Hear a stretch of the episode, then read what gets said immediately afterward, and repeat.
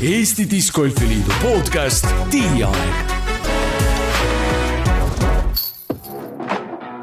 tere tulemast kuulama Tutsket ja Tutikat discgolfi taskuhäälingut. mäng pole läbi enne, kui viimane ketas on korvis. mäng algab tiiajaga. omamoodi mängleb saadegi läbi Eesti discgolfi loo, mille finišijooneks sel hooajal on Euroopa meistrivõistlused augustikuus Tallinna Lauluväljakul toimuvale suursündmusele ootame palju uusi pealtvaatajaid ja just neile see saade ongi. avame mängu olemuse, võistlussüsteemid, reeglid ja alustajad ning palju-palju muud koos asjatundlike saatekülalistega. täna on nendeks legendid, mehed, kes alustasid teatud mõttes juba enne meie aja arvamist. Need on Rasmus Sepp ja Jaanus Väljamäe mina olen saatejuht Silja Madisson, asume teele ja head taganttuult alustame loomulikult teie tutvustamisega. Jaanus, räägi natukene endast, sul on pikk mängija kogemus, sa oled mänginud vähemalt kolmes vanuserühmas discgolfi juba. see on väga pikk aeg, eks ju. aga, aga räägi, kust sa üldse tuled, mis on sinu sportlik taust? mina tulen tegelikult hoopis Haapsalust. ja Haapsalu on discgolfi suhtes hetkel ka mitte just kõige aktiivsem paik aga juba noorena ma tahtsin sportlaseks saada, ma käisin spordiklassis, viiendas klassis Äh, vehklesin, pärast seda tegin kergejõustikku, korvpalli olen mänginud äh, kogu selle aja, kus ma olen saanud mängida tervise poolest. ja diskgolf on siis viimane. kusjuures ma olin aeg kindel, et diskgolf on selline hobiala. kui ma alustasin, ma olen täiesti kindel, et see on selline härrasmeeste hobiala, mida ma mängin võib rahulikult elu lõpuni, aga nüüd olen ma jah, omamoodi tippsportlane. Rasmus, kuidas sinuga lood on, mis on sinu sportlik taust? Minu sportlik taust hakkab tegelikult pihta Jaanusest, sest Jaanus on minu kehalise kasvatuse õpetaja kooliajast ja võttis ta mind äh, trennidesse, pesapalli, korvpalli, sai tehtud ka kergejõustikut ja, ja, ja siis järsku tekkis ka diskgolf, aga see tekkis ikka palju aastaid hiljem, et kaks tuhat üksteist oli esimene kord, kui võtsin kätte kätte. Nii et tegelikult peale kooli, kus üks oli õpetaja ja teine õpilane, te jäite nagu kuidagi suhtlema või sporti koos tegema, et kas see discgolfini jõudmine toimus ka teil äh, samaaegselt koos? ei, ei, see ei toimunud samaaegselt, sellepärast et kui discgolfi radamine üles pandi esimest korda kaks tuhat üheksa, esimesed üheksa korvi Keilas, äh, siis mängis ainult üks inimene discgolfi, see olin mina. mitte ke-, Keila inimesed, mitte keegi ei teadnud, mis asi on discgolf äh, ja mina nägin paari Tallinna venda, Raul Mägedik ja, ja Teet Saaberg ja siis veel Pärnu poisse ka, Rene Veimer ja, ja Einar Elbing, aga, aga Keilas hakkas samamoodi pihta, et äh, sõbrad-tuttavad, need poisid olid mul ju kõik äh, nii-öelda noh, sa näed neid kuskil trennides ja, ja nii nad vaikselt hakkasid tulema kuidagi juurde, et õpetasid ühe välja ja nagu discgolf on see, kuidas öeldi, see on nakkuslik haigus, et sa õpetad ühe välja, see õpetab kaks välja, see õpetab neli välja ja siis oligi, et nelja aasta pärast ei mahtunud rajale ära. minul oli jah kaks tuhat üksteist, et äh, me tegime Tommy Markusega siis äh, Ameerika pesapalli. Tegime trenne ja üks trenn, Tommit ei ole, helistasid, küsisid, kus sa oled. tead, ma leidsin ühe ilgelt ägeda spordiala, et tule ka, et vaatame, Keila terviserajad, märtsikuu, ilmad juba natuke soojad, lumi sulab, jalad märjad, loopisime kettaid seal ja, ja nii ta külge jäigi ja kaks kuud hiljem olin Jõulumäel oma esimesel võistlusel, mis oli äh, Balti tuuri osasari. Visata ei osanud, midagi väga teha ei osanud, aga tore oli ja külge jäi sa juba ütlesid ära, et visata ei osanud ja tegelikult äh, üks minu küsimustest ongi, et äh, selle aja tase mängijatel, kuidas see välja nägi, ma saan aru, et teil kaks aastat on nüüd sellel päris algusel vahet, aga, aga tegelikult see suur buum tuli nagunii hiljem, et kuidas te kirjeldate seda mängijate olukorda? Äh, ma isegi ei mäleta, kas sel ajal oli kaks tuhat üheksa, kas Youtube oli ju, ju, ei, meil ei olnud YouTube'i, me ikkagi õppisime mängijate pealt, kes jaa, see ei olnud see, praegu nagu lihtne, eks ju, võtad interneti lahti ja, ja vaatad kõiki asju, vaatad mängijaid ja vaatad tehnikaid, aga aga sel hetkel minu jaoks oligi see, et ma täiesti tunde järgi võtsin esialgu ketta kätte, mitte keegi ei õpetanud ja siis, kui ma nägingi Rauli ja Teet Onuga esimest korda julgesin nende lähedale minna ja vaata, küsida, kuidas ketas käes hoitakse. ja lõpuks ka koos mängida et see oligi see esimene õppimine, aga tagantkäsi on minu jaoks ikkagi see, mis algusest peale, kuna eeskätt, eeskätt ma ei osanud üldse visata, noh ei teadnud, kuidas ketast käes hoida, aga tagantkäsi, kuna kõik on mänginud frisbit, Nõukogude inimesed, võib-olla praegu ka, ehk siis seda teist taldrikut ja seda visati ikkagi val-, põhiliselt tagantkäega ja ehk seal ma võtsin tunnetuslikult ketta kätte, viskasin samamoodi. ja meil oli pigem see, et kuna me olime pesapallipoisid too hetk, siis me viskasimegi nii-öelda neid pesapalliviskeid ülevalt kettaid. Et äh, lõhkusime õlgasi ja, ja laamendasime seal metsas, viskasime küll kaugele, tihtipeale isegi kaugemale kui, kui tavamängijad, aga aga noh, see ei ole väga jätkusuutlik. ja ma mäletan, sealsamas Pärnu etapil oli üks äh, äh vene diskgolfar, Jossif Jussim, kes võttis mul kratist kinni, ütles, et poiss, ära lõhu ennast, et tule, ma õpetan sind. Ja, ja kui ma tulin sealt tagasi, siis need kettad, mis mul olid, olid ikka nii alastabiilsed, et nendega ei olnud mitte midagi enam teha, siis tuli meile uuesti poodi ka minna, noh räägime natukene siis äh, nendest terminitest ka, et juba käis läbi siin tagakäsi ja eestkäsi ja kes ei ole kursis sellega, siis äh, hästi lihtsalt öeldes äh, tagantkäe puhul naljakas küll, aga liigub käsi sinu keha eest ja eestkäe puhul tuleb siis käsi nii-öelda kõrvalt, isegi natukene tagantpoolt külje pealt ette ettepoole. Need on siis äh, viskestiilid, aga rääkisid ka juba alastabiilsetest äh, ketastest, neid nimetatakse ka teisiti lahjadeks, on ju. et äh, räägi natukene, mis need kanged lahjad, mis need tähendavad? jah, kettaid siis kategoriseeritakse kolmes kategoorias, on siis äh, lahjad, kanged, sirged põhimõtteliselt, et et lahja ketas on see, et kui sa, kui sa viskad teda parema tagantkäega, ta hakkab sul lennu lõpus minema paremale kui on siis kangem ketas, see läheb siis vasakule oma lõpujoones ja, ja sirge ketas on siis, nagu aru saada nimest juba. ja neid siis kasutatakse lihtsalt äh, siis, kui on vastavalt vajadusele, jah mm. -hmm et ei ole õiget või valet ei, ei ole mm. -hmm. ma juhin tähelepanu ka, et ei ole, ei ole olemas ka sirgeid kettaid et kõik maailma discgolfi mängijad, eriti algajad, tahaksid osta sellise ketta, mis lendab otse ja sirgelt. tegelikult sa pead õppima viskama otse ja sirgelt, et see ei ole niimoodi, et sa ostad ketta, mis peaks sirgelt lendama, siis ta lendabki, oi, see ei käi päris nii. jah, või siis aastaid selle kettaga mängima, et ta oleks sinu jaoks sirge. jah, täpselt see, mis ühele on niimoodi kange või lahja, eks ju, on minu jaoks võib-olla täiesti sirge ketas kui me siin õppimist ka juba mainisime, siis äh, mina tean omast käest, et see tegelikult ala valdamise selgeks saamine on väga pikk protsess, et millal teie hakkasite tundma, et te nüüd päriselt saate aru, mida te teete? ma arvan, kaks, aasta, aasta peale mängimist ja, ja seal on väga palju kasu tegelikult koolitustel, eriti just algajamängijana, et minul õnnestus saada siis koolitusi Soome mängijatelt, mida, mida Pärnu poisid siin, siin korraldasid meil. ja noh, tänapäeval on sul lihtne, sul on olemas YouTube, sul on olemas igasugused platvormid, kus sa saad osta teenusena eratreeninguid, videokoolitusi ja nii edasi ja nii edasi, et noh, et seda kõike tasub teha ja algamängijana mine platsi peale, mine viska suure platsi peale oma kettaid, saa aru, mis nad teevad, enne kui sa ronid metsa. mina võin öelda taustaks seda, et minul läks kümme aastat aega. Siis hakkasin nagu aru saama selle mängu olemusest. Ja see, et ei tohi kangutada, jõuga visata, minu peegel oli minu juunior, ehk siis minu poeg, kes ka mängis kui tema sai nüüd piisavalt suureks ja hakkas isa kritiseerima ja minust paremini mängima, siis oli see aeg käes, kus hakati kõrvalt ütlema, et tead, tead, sa viskad väga valesti. Aga discgolf on selles mõttes hästi imelik mäng, et ta on selline demokraatlik mäng. sa võid visata täpselt nii, nagu sa tahad mitte keegi ei saa öelda, jah, me võime öelda niimoodi, oi, nii saaks kaugemale, aga tegelikult sa viskad täpselt nii, nagu sa tahad ja sa võidki niimoodi mängida. mina te-, äh, mina olen tulnud Eesti meistriks äh, valesti visates, aga täpselt visates seda mul on äh, isiklikult väga hea meel kuulda et tähendab, et äh, rohkem ei pea trenni tegema, ma lähen ka võistlusele täpselt selliste visetega, nagu nad on ja tuleb, mis tuleb. ei, põhitreening on ikka sinu peas vot seesama, see suhtumine ja arusaamine, et võta nüüd rahulikult ja proovi mängida oma keskmist mängu ja, ja sa oledki peaaegu tippmängija jah, et kui, kui nagu, nagu peast rääkida, siis äh, minu, minu parim võistlus äh, karjääri jooksul oli ka see, et ma enne võistlust juba teadsin täpselt, mis kettaga, mis rajal, kuhu, kuidas ma nagu lähenen kogu sellele asjale. ja ma võtsin enda jaoks maksimumi sealt. et äh, sa, sa pead olema äh, enesekindel selles, milles sa teed? või on sul täiesti ükskõik? minu parim ring sündis niimoodi, et ma olin kaks ringi Eesti meistrivõistluste ära mänginud äärmiselt kuidas seda sõna nüüd öelda siin eetris, no kehvalt, jah.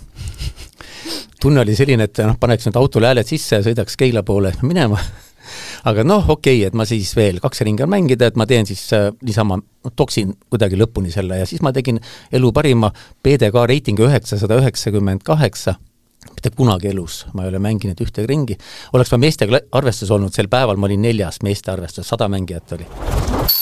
PDGA reiting näitab mängija taset rahvusvaheliselt.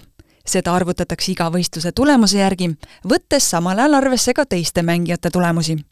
erinevalt Eesti meetriksüsteemist, mis võrdleb mängija tulemust optimaalse tulemusega raja suhtes. et see oli see hetk minu jaoks ka, kus mul oli täiesti ükskõik aga ma mängisin rahulikult, ma ei võtnud OB-sid ja putid panin sisse, ühe puti panin ka mööda lähedalt. Ja noh, nii see to toimuski, selles mõttes, et mul oli täiesti ükskõik. OB on lühend terminist out of bounds ehk väljaspool piire, mis discgolfi mängus tähendab väljaspool mänguala viske lõpus sinna pidama jäänud ketta korral lisandub mängija skoorile karistuspunkt. samuti ei tohi sealt sooritada järgmist viset, selleks tuleb tulla tagasi mängualasse. putt on lühivise, mis sooritatakse korvil lõpetamiseks. kust maalt lõpeb pikamaavise ja algab putt, ei ole määratud meetrites, sellest annab aimu hoopiski viskeasend. distantsi osas on mugav puttimise kaugus väga individuaalne seda ma olen kuulnud päris palju. Rasmusel on midagi öelda, ma näen pilgust juba, et jah, see on, see on see teine äärmus just täpselt just, aga kui me, kui Rasmusel läks nüüd aasta aega, aega, et aru saada ja Jaanus ütleb, noh, ma usun, et pool naljaga ikkagi kümme aastat, on ju. ei, see on väga tõsine. okei okay,, nii, võtame kohe, suu läheb kriips sirgeks. aga ma olen kuulnud väga paljudelt inimestelt, et ähm, et võib-olla selle esimese korraga nagu ei võlunud ära, et läks vähemalt kolm-neli korda, enne kui hakkas meeldima, et aga mis on selle fenomen, et kas siis hakkab esimesel korral meeldima või peale paari korda, aga need inimesed, kes proovivad, väga paljud ikkagi jäävad seda mängima. mis on discgolfi fenomen? ma arvan, meie puhul on nagu see, et me oleme teinud mõlemad nagu võistlussporti. ja, ja kogu aeg on nagu see pisik sees, et sa pead sõbrast parem olema ja, ja, ja ja kõik need asjad ja noh, tegelikult on ju väga ilus ja tore vaadata, kui see ketas lendab su sada, sada kakskümmend meetrit, et et seal, seal on neid konkse ja jagasid väga palju, aga see peab olema eelkõige fun, sul peab olema lõbus. aga iseendast tuleb ka parem olla? ei muidugi. iga kord? jaa, jaa ja. ja. see on kõige raskem. ma ju rääkisin, et ma mängisin terve aasta üksi. mul ei olnud mitte ühtegi sekundit igav noh, seesama teema, et kuidas on see võimalik, sa lähed lihtsalt metsa, aga sa ju mängidki, sa mängid iseendaga, sa tead seda rada, eks seda, nüüd mängid viie viskega, järgmine ring mängid nelja viskega, pidu juba. ja iga vise on sul tegelikult uus vise. vahet ei ole, sa võid sada korda mängida ühte sama rada, iga vise on mingis mõttes sul uus vise ja see on äh, tegelikult isegi äh, õpetussõna võib-olla neile, kes on äsja alustanud ja meid kuulavad või tahavad proovida, et ähm, tihtipeale see tuju langebki ära siis, kui mõni vise läheb väga halvasti, aga just seesama mõte tuleb ka siis meelde tuletada, et kui sa lähed järgmist viset tegema, lase sellest eelmisest lahti, iga uus vise, järgmine vise on uus vise, eks ju? jaa, diskgolfaril peab olema haugimälu jaa, sa mängid no. ühe raja ära, sa alustad nullist järgmist rada. see ei ole nii, see ei ole nii, sellepärast et see jääb sulle pähe sisse. ja see ei ole sedasi, et inimene ei ole nii lihtne, eks, et võib-olla need päris need tippmehed, võib-olla äkki ongi need sellised, et, et vajutavad nuppu oma ajus plõks unustatud ja paned, eks edasi. võib-olla on selliseid inimesi. tegelikult ma tean oma seisu, mul on sama asi, et ma ei loe punkte, ma ei loe seisu, aga sa tead seda, sest minu aju tegelikult loeb ja ma tean, ma tean kogu aeg, mis seis on, Estikatel ka, ma, ma tahaks mängida hästi rahulikult. ei loe seisu, aju töötab kogu aeg. ehk siis see ei ole nii lihtne, et teen plõks, see on sinuga kaasas ja see ongi see võidu, ütleme, võitja mentaliteet, kes suudab ikka reaalselt selle ära unustada. aga kuulge, mis te arvate, Kristin Tatar ju praegult äh, sõna otseses mõttes paneb hullu, et me oleme harjunud juba, et ta võidab kõiki teisi, aga see, mis toimus möödunud nädalavahetusel, kus ta enam kui kahekordselt edestas punktides, eks ju, oma, oma vastaseid, ma jäin küll mõtlema, et äkki ta ikkagi lülitab täiesti välja kõik emotsioonid. ei, temal on see tippsportlase geen, eks ju mm -hmm., vaata nagu olemas. ma ei tunne teda isegi niimoodi, vaat täpselt me pole väga isegi koos eriti mänginud ja suhelnud, aga kui sa kõrvalt vaatad seda suhtumist ja kõike seda ja see, et sa suudadki teostada enda selle mängu, aga hooaja alguses tal oli ka vaata üks ebastunud, ebaõnnestunud võistlus, mida ma nägin ka ta ju, ta on ka inimene ikkagi.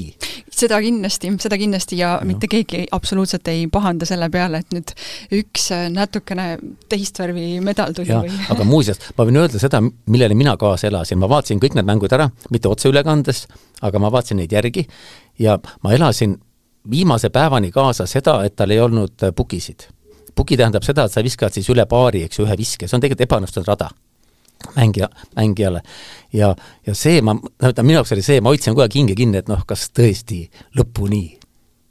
aga vist no, tuli üks, üks tuli jah, jah, üks mm -hmm. tuli, et see oli see minu jaoks selline põnevus, mitte see, et kas ta võidab, mitte see oli näha, eks ju, et ta võidab, ta mängib stabiilselt, aga just seda, kas sa suudad, tegelikult see no-boogi mäng on minu jaoks hoopis põnevam mäng kui see, et kas sa saad kolm pöödit või neli pöödit nüüd ma kasutan muidugi termineid, mida võib-olla tavainimene ei tea, aga siis seleta ise. jaa, võtame siis selle barri kõigepealt äh, esile, et äh, barr teoorias tähendab optimaalset visete arvu, millega ma kogenud mängija lõpetab korvi mängimise. ehk siis, kui te satute discgolfi rajale, näete kaardi peal, et see on par kolm rada, siis see tähendab, et kolme viskega võiks teie ketas korvi jõuda.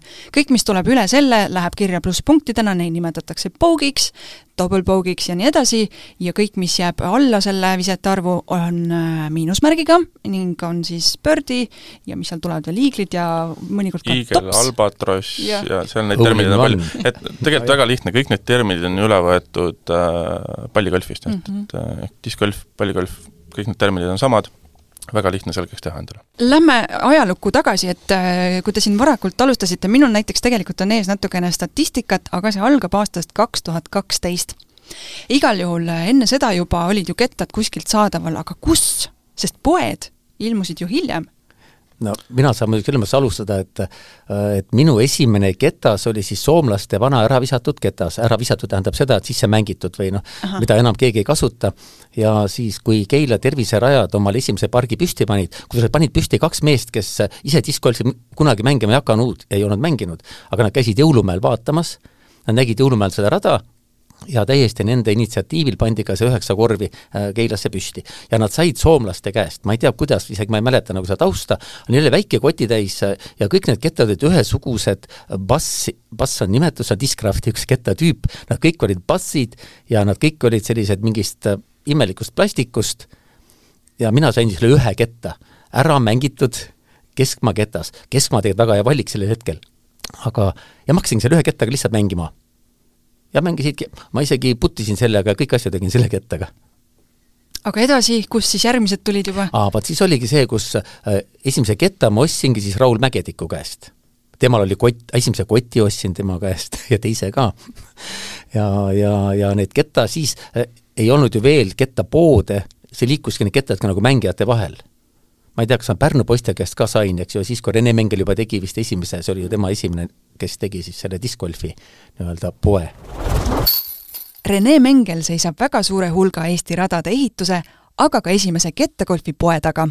disksport.ee sai alguse veebipoena aastal kaks tuhat üksteist ning esimene tellimus USA-st ulatus paarisaja kettani kahe tuhande neljateistkümnendaks aastaks oli nõudlus juba niivõrd suur, et koduseinad jäid laoruumi pidamiseks kitsaks ja ilmavalgust nägi esimene füüsiline kauplus Pärnus, neli aastat hiljem ka Tallinnas.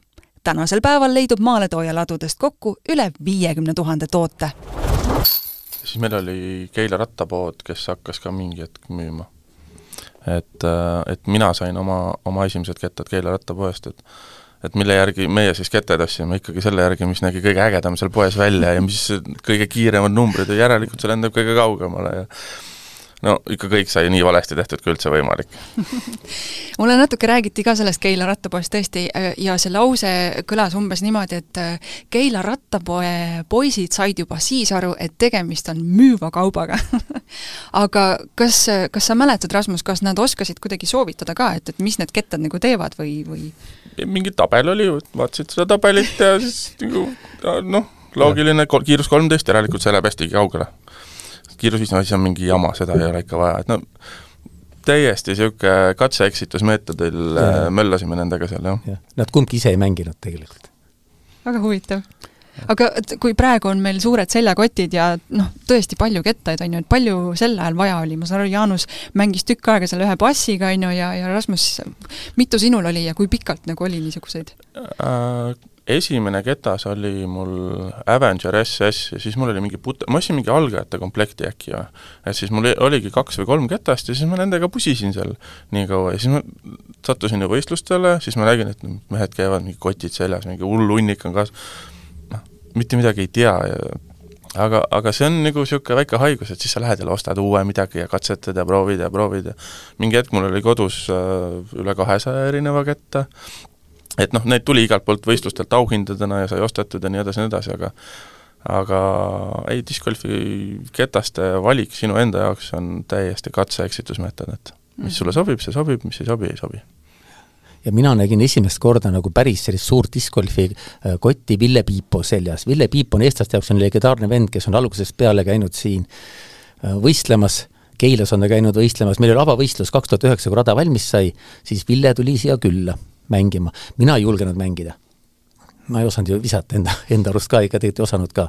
aga ma pildistasin ja, ja käisin kaasas ja vaatasin seda ja minu jaoks oli kõige suurem müstika nagu see, kui siis Ville äh, tal oli mingisugune kakskümmend ketast oli kotis ja siis ta mingi sirge peal vaatas seda kotti ja ütles, et näed, jätsin maha, eks ju, vajalikku ketta. siis ma mõtlesin, mida?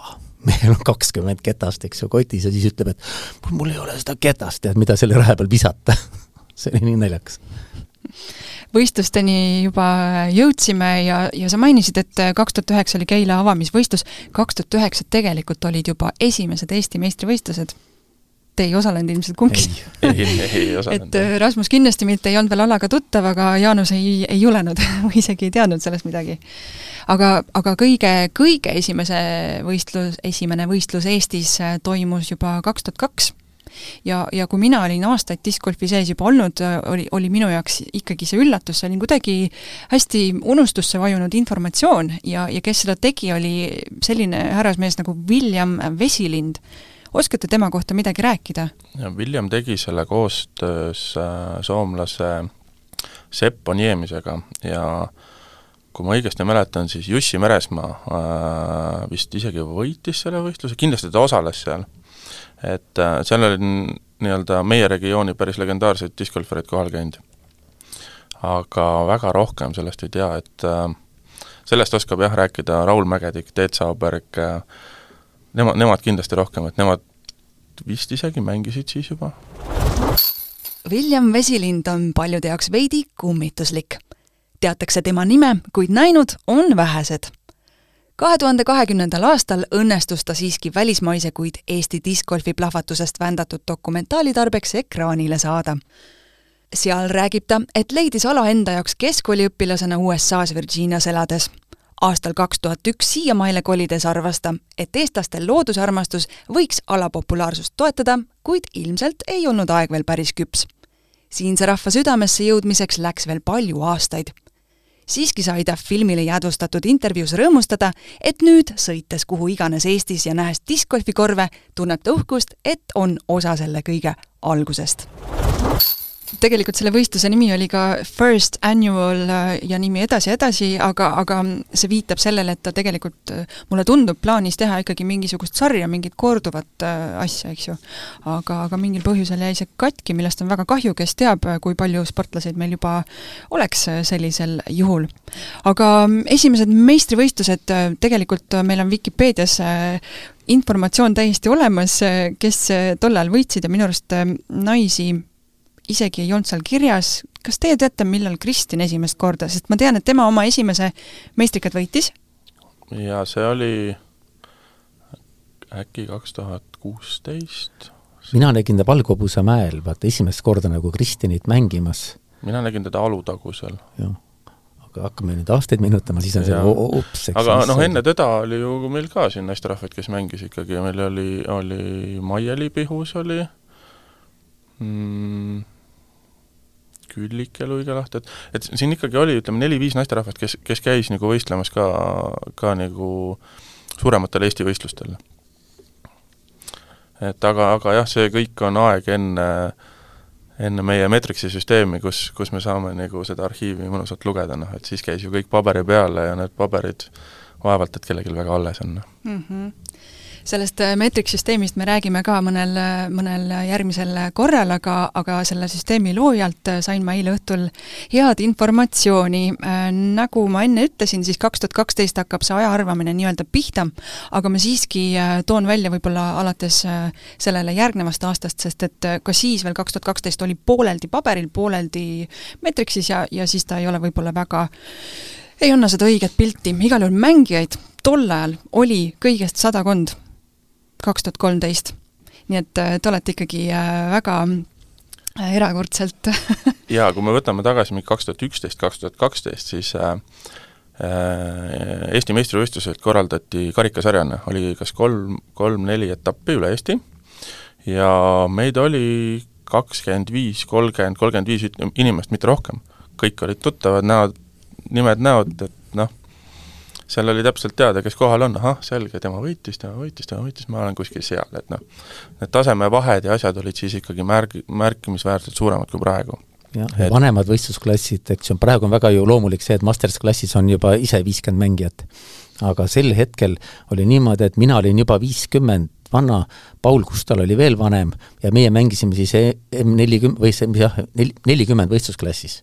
et minu esimene Eesti meistritiitel tuli tunduvalt vanemana kui nelikümmend, eks, ma olin juba tegelikult viiskümmend, aga siis oli see võistlusklass ja me olime kahekesi. kaks, kaks aastat mängisime kindlalt Pauliga kahekesi. mul õnnestus üks kord talle kaotada see on mulle meeles, eluks ajaks jäänud meelde, ma olen kaotanud Paul Kustalale Eesti meistrivõistlustel. ma ei tea, kas see oli Mammastes või kuskil niimoodi, et on juhtunud see on see aga see oli üks kord. poliitkorrektne vastus. väga korrektne vastus oli, ma olen täiesti hämmingus praegu väga hästi vastatud. Äh, Mammaste jääb sinna kanti, kus oli ka üks Eesti esimesi äh, püsiradasid, Mäeotsa, olete seal mänginud? jaa, vot see oli ikka äge, see oli, vot see oli see, kus sa ei suutnud visata, oli mingi org ja sa pidid viskama üle ja ja siis nagu tajusid seda, et ups, eks, et Keilus oli lihtne, sul olid seal maa peal need rajad, viskasid okei okay,, kolmkümmend meetrit viskasid, nelikümmend meetrit ei juhtunud midagi. aga seal sul on tiiala on, eks ju, ühel pool orgu ja siis korv on kuskil üle jõe seal all ja oligi niimoodi, noh, süda värises sees, kettad niigi vähe ei ole niimoodi, et sul ja siis sa viskad oled kogu aeg hinge kinni, noh, kas jääb alles? jah, et ma, ma juhtusin Mäeotsa rajale tagasi üks kolm aastat tagasi ja siiamaani väga äge, väga vinge, väga lahe ürgloodus.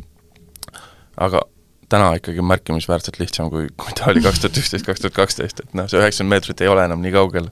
jah, nüüd ma mängin keskmaaga, eks ju, viskan seda rada ja võib-olla, kui tuult ei ole, isegi võib-olla kohale ka. et, et näha seda, kuidas nagu ikkagi nii see ketaste tehnoloogia ja, ja kõik see visketehnika ja on, on arenenud edasi nii mängijatele endal kui, kui kõigile, et siis, siis see on, see on äge, jah natuke jälle statistika juurde, siis äh, kui tol ajal oli võib-olla käputäis radasid, mida Eesti pealt võis äh, leida, konkreetset arvu kahjuks ei olegi kuskil kätte saada praegu või vähemalt mul ei olnud, aga eilse seisuga oli neid sada üheksakümmend kolm. ja ma ei tea, kas teie teate, kas me oleme endiselt maailma tipus sellega, et äh, kõige rohkem radu inimese kohta? Jaa, jaa. soomlastel ma vaatasin, just on kuskil tuhande raja ligi, eks ju, vist praegu. üle, üle tuhande. üle tuhande juba nüüd, eks jah. aga, aga jaa, kuna meid on vähe ja maa-ala on väike, siis, siis seda on meie jaoks rohkem. Lähme aastates natukene edasi, kaks tuhat seitseteist oli see aasta, kui ähm, kõige suurem äh, kasv oli mängijate arvus, kokku tuli üle kolme tuhande liikme sinna sama meetriksüsteemi juurde ja mänguringe tehti üle saja kolmekümne tuhande see oli äh, tõesti siis võib-olla kõige hiilgavam aeg, mida teie selle kohta mäletate? mina mäletan seda, et ma ei saanud rajale.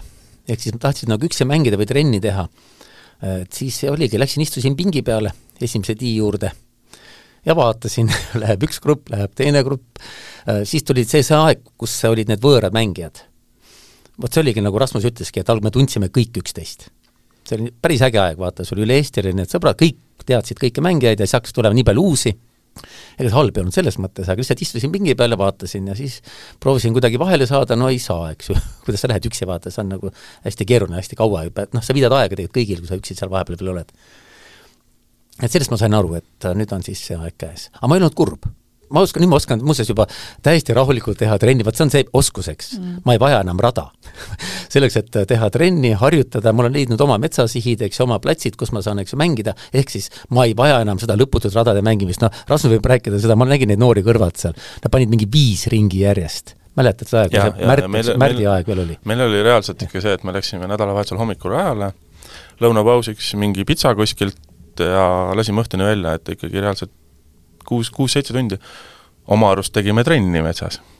jah, tegelikult suur mängimine loomulikult sa õpid sellega ka, eks ju, see, aga aga, aga noh, eks ta selles suhtes annab ikkagi juurde, et kui sa, kui sa palju nagu aega seal metsas veedad, et äh, sa jaksad ka nendele pikkadele võistlustele vastu pidada, aga aga ega sa tegelikult tehniliselt nagu väga paremaks ei lähe. selle jaoks on vaja platsi peal käia mm. -hmm. et tegelikult see on ikkagi suuresti seltskonna värk? jaa, jaa muidugi, muidugi. Need olidki nii ägedad vennad, eks ju, noh, see oligi see, noh, sa läksid, sul oli rõõm, eks ju, minna juba sinna veeta, see oli kvaliteetaeg. toredate poistega, huumorimeel, noh, seda lõputut nalja, eks ju, jah. ja kas pole nii, et äh, praegult tegelikult enamus sinu sõpruskonnast ongi diskgolfarid ainult? või ei, ei, ei, ei, mul on, mul, ma ikkagi tegelen veel ka teiste spordialadega, aga, aga jah, väga palju on ka discgolfi sõpru ja tuttavaid Eestist, välismaalt, igalt poolt, et et, et äh, ta selles suhtes ühendab äh, inimesi hästi, et, et vahet ei ole, mis rahvusest sa oled, mis keeles sa räägid, siis noh, discgolf on tore mäng kõigile. jah, aga oleks mulle keegi öelnud, eks ju, näiteks kaksteist aastat tagasi, et sul on noh, ma ei oska öelda, mingisugused sada sõpra, eks ju, kuskil üle Eesti discgolfi mängijaid, siis ma oleks öelnud, no mis asja sa ajate, see ei ole võimalik, aga praegu see jah, see on täiesti uskumatu, et mina kuuekümne kolme aastasena on mul nii palju noori sõpru. Meie alustasime, meie PDK numbrid mõlemal on siis mingi nelikümmend üheksa tuhat, Jaanusel vist isegi veel väiksem ja nelikümmend kaheksa tuhat null kakskümmend viis. jah, siis täna meil on see numbrid seal üle kahesaja tuhande vist, et et see plahvatus on nagu meeletu olnud ja, ja need Covidi aastad tegelikult tõstsid seda plahvatust veel rohkem, sest noh, vabas õhus sai ju ikkagi teha asju igaks juhuks äh, selgitan äh, kuulajatele ka, et, et äh, kuigi see on üsnagi iseenesestmõistetav PDK number, siis tähistab tõesti nende mängijate arvu, kes on registreerinud ennast sinna rahvusvahelisse discgolfi keskkonda alustas seda siis äh, mees nimega Ed Hedrick, äh, temal oli äh, number üks ja ta, see oli vist ka niimoodi, et oli null null üks, et ta arvas, et noh, võib-olla sada inimest saab kokku, et siis võiks nagu asi piirduda sellega ja siin me oleme tõesti üle kahesaja tuhande mängija ka üle maailma aga, aga, aga räägime võistlustest, kindlasti sel ajal olid juba, oli tase kõvasti kõrgem ja konkurents tihedam? jaa, ja äh, Keilas me oleme seal teinud igasugu ägedaid asju, et äh, kuna meil nagu Jaanus mainis, kaks tuhat üheksa tulid, tulid Ville Piipad sinna juba avavõistlusele, siis kuidagi see see Ville kontakt nagu Keilaga jäi, et ta päris tihti nagu sattus sinna. ja, ja sain temaga heaks sõbraks ja järsku tekkisid ka mingid Soome võistlussarjad, mida me tegime Keilas. talvel oli meil seal mingi Karvalaki sarja äkki või? Et noh, ikka, ikka reaalselt meetrises lumes sumpasime ja möllasime seal, Soomest tuli ka mingi nelikümmend venda kohale ja ikka tõsised võistlused.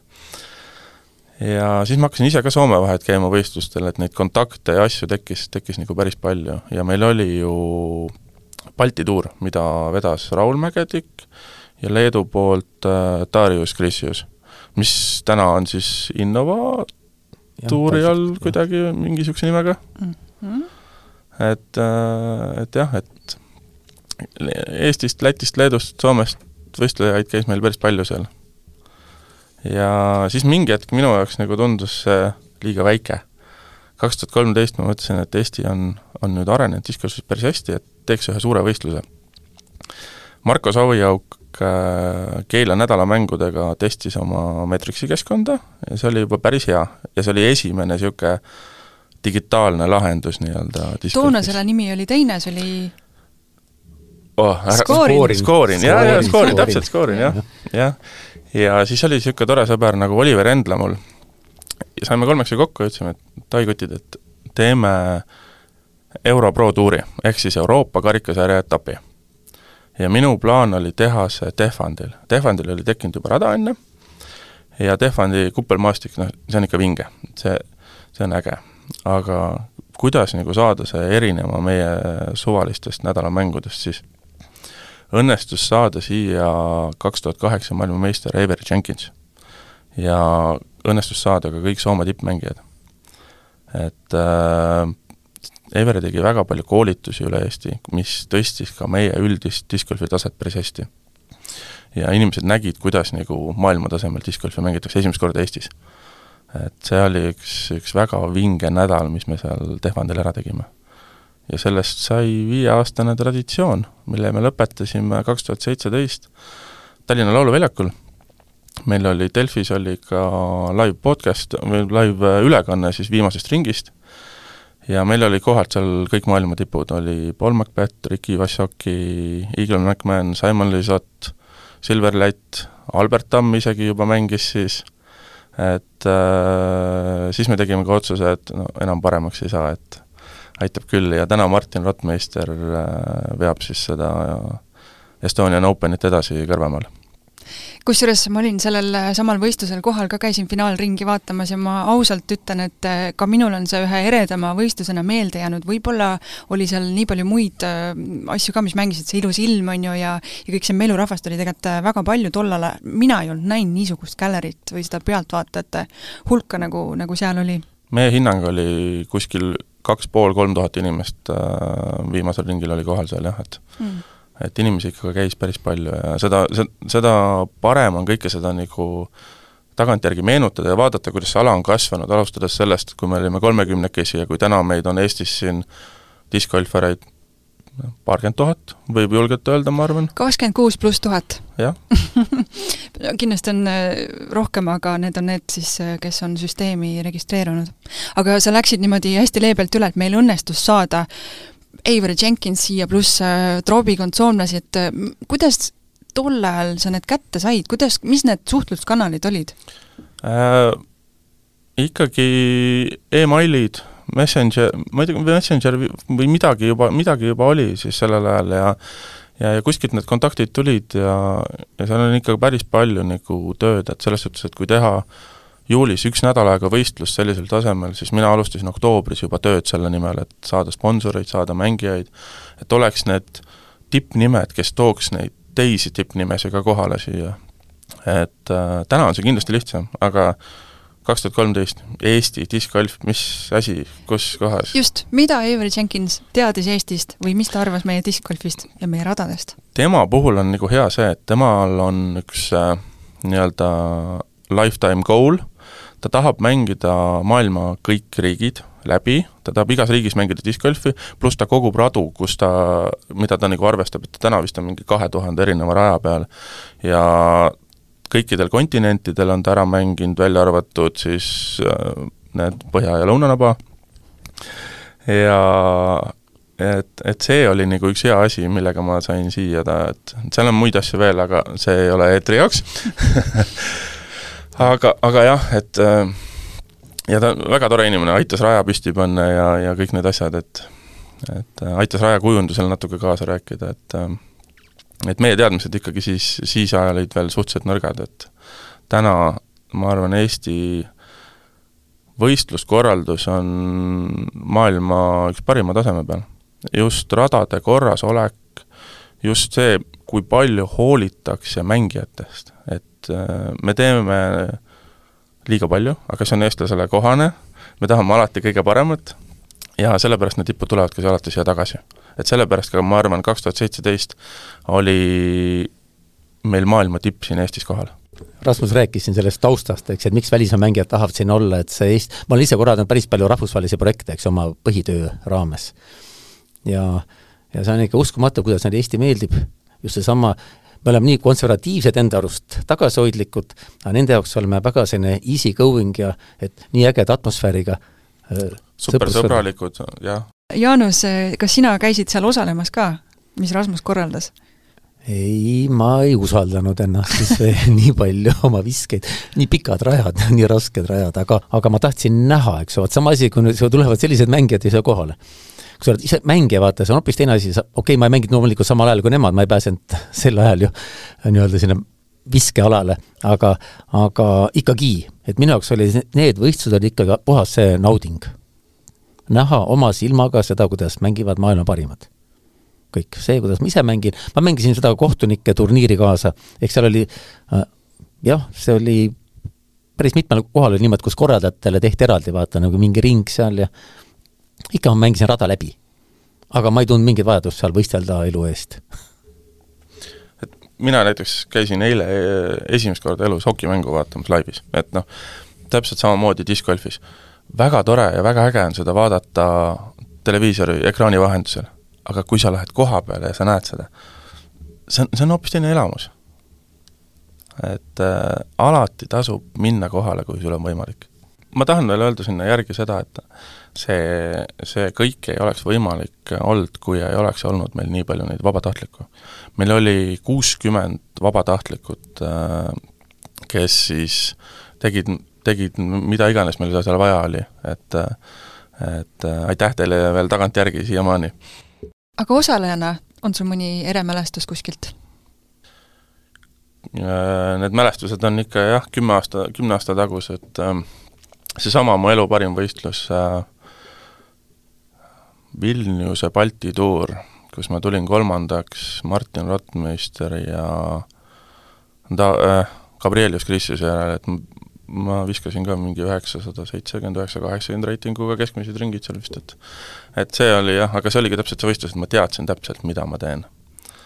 aga ei tea, ma nagu nautisin rohkem seda korraldamist ja seda, seda emotsiooni, et äh, algusaastatel jah, ma üritasin, ma tahtsin seda spordina teha, aga ma nägin, et äh, nii palju teisi on paremaid ja mul, mul ei ole aega pühendada nii palju sellele, kui, kui nendel noortel aga vaadates täna Silver Lätt, Albert Tamm, kõik see, mis sealt nagu järgi tuleb, väga äge. palju te täna võistlete, kumbki teist? täiesti nagu suvaliselt, et tuleb tuju, kuskile peale saab, lähme mängime.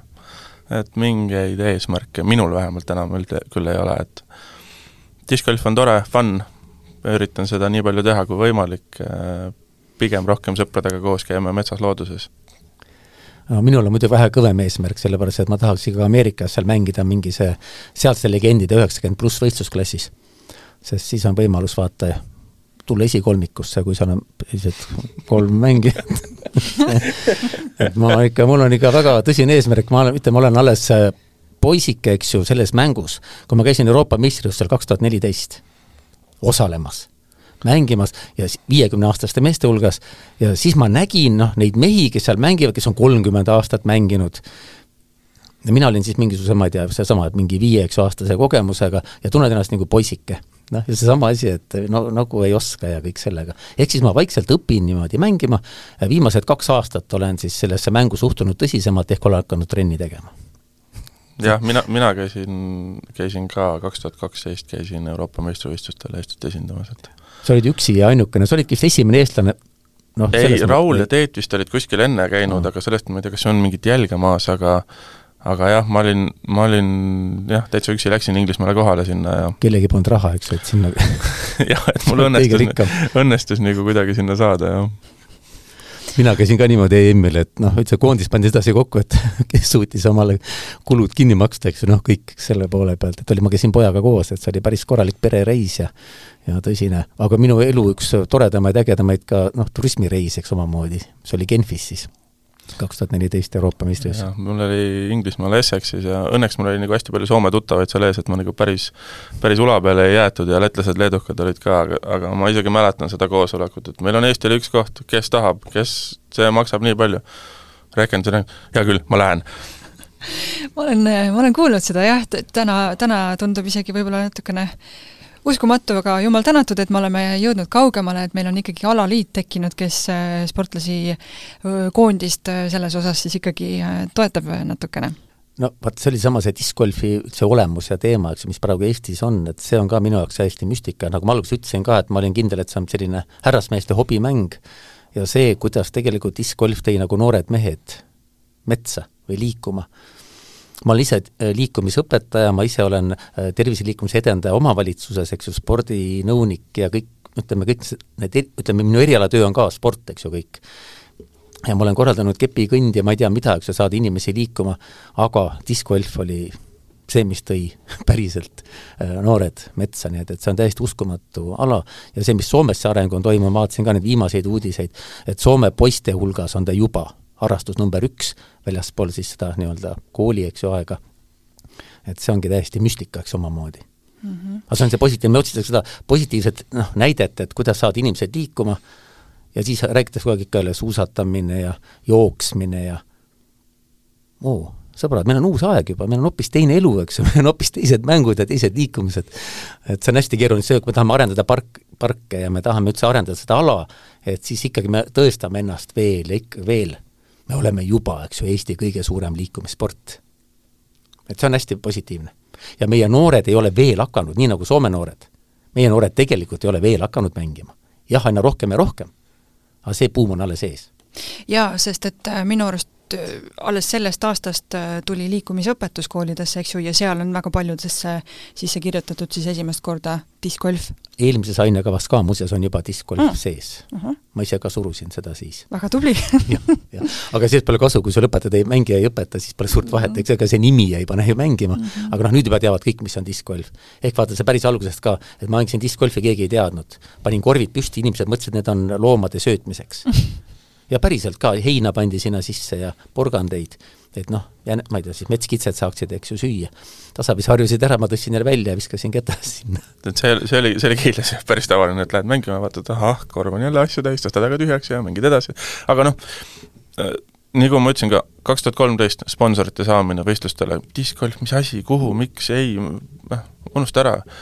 täna, kui sa räägid, räägid diskgolf, kõik teavad, mis see on, noh, meil on muidugi suur aitäh Kristinile, Silverile, Albertile, kes nagu Ame-, Ameerikas ja maailmas nagu promovad seda päris hästi, pluss siis Eestis, kes meil siin kõik need suured edasimüüjad ja, ja edasi toimetajad on, et aga, aga jah, see, see õige buum nii-öelda tipptasemele on meil alles ees, et kui vaadata täna ka seda, et eelmine nädalavahetus oli ju esimene hooaja suurvõistlus ja Soome kutt kahekümne-aastane teise koha peal, noh, ehk see, alles tuleb mis õpetussõnad te annate inimestele, kes äh, on, ütleme siis piisavalt noored praegu, heas äh, vormis, et äh, tõesti tippspordini jõuda ja, ja, ja võib-olla on juba alustanud discgolfiga, aga on, ütleme, üsna rohelised veel?